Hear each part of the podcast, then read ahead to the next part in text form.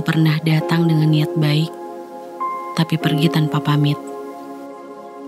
Saat kamu masuk ke dalam hidup seseorang, kamu juga harus tahu kalau hilang dan pergimu itu nggak bisa dilakuin gitu aja. Karena ada hati yang berharap dikasih penjelasan. Ada hati yang gak mau kamu pergi dan pengen mendengar kata selamat tinggal sebagai alasan yang membuat dia yakin bahwa ngelepasin kamu adalah pilihan yang terbaik yang harus dilakukan.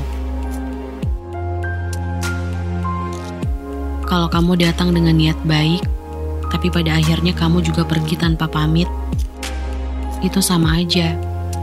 Kamu udah menghancurkan hati manusia lain. Kamu tahu, gak semua hati sekuat yang ada di pikiran kamu. Kamu tahu gak sih?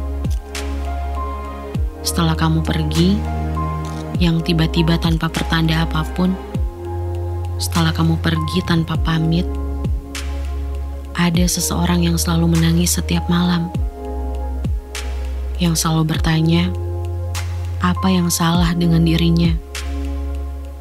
Bahkan, dia sampai menyalahkan dirinya sendiri. Padahal dia sama sekali nggak tahu apa kesalahannya yang sebenarnya. Ya, mungkin bisa saja dia yang salah. Lalu kamu memutuskan untuk pergi gitu aja.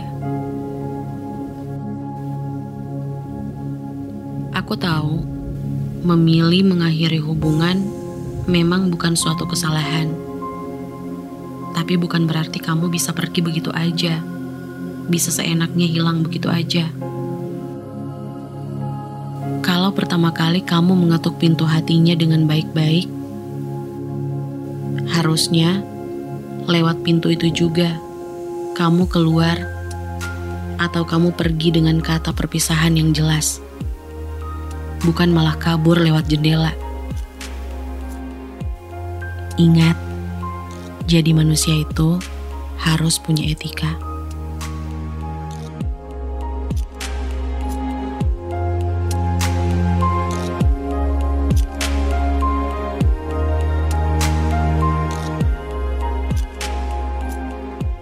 Pendengar sejati, terima kasih udah dengerin episode pertama dari Terbiasa Bersuara, spesial untuk 30 hari bersuara 2022.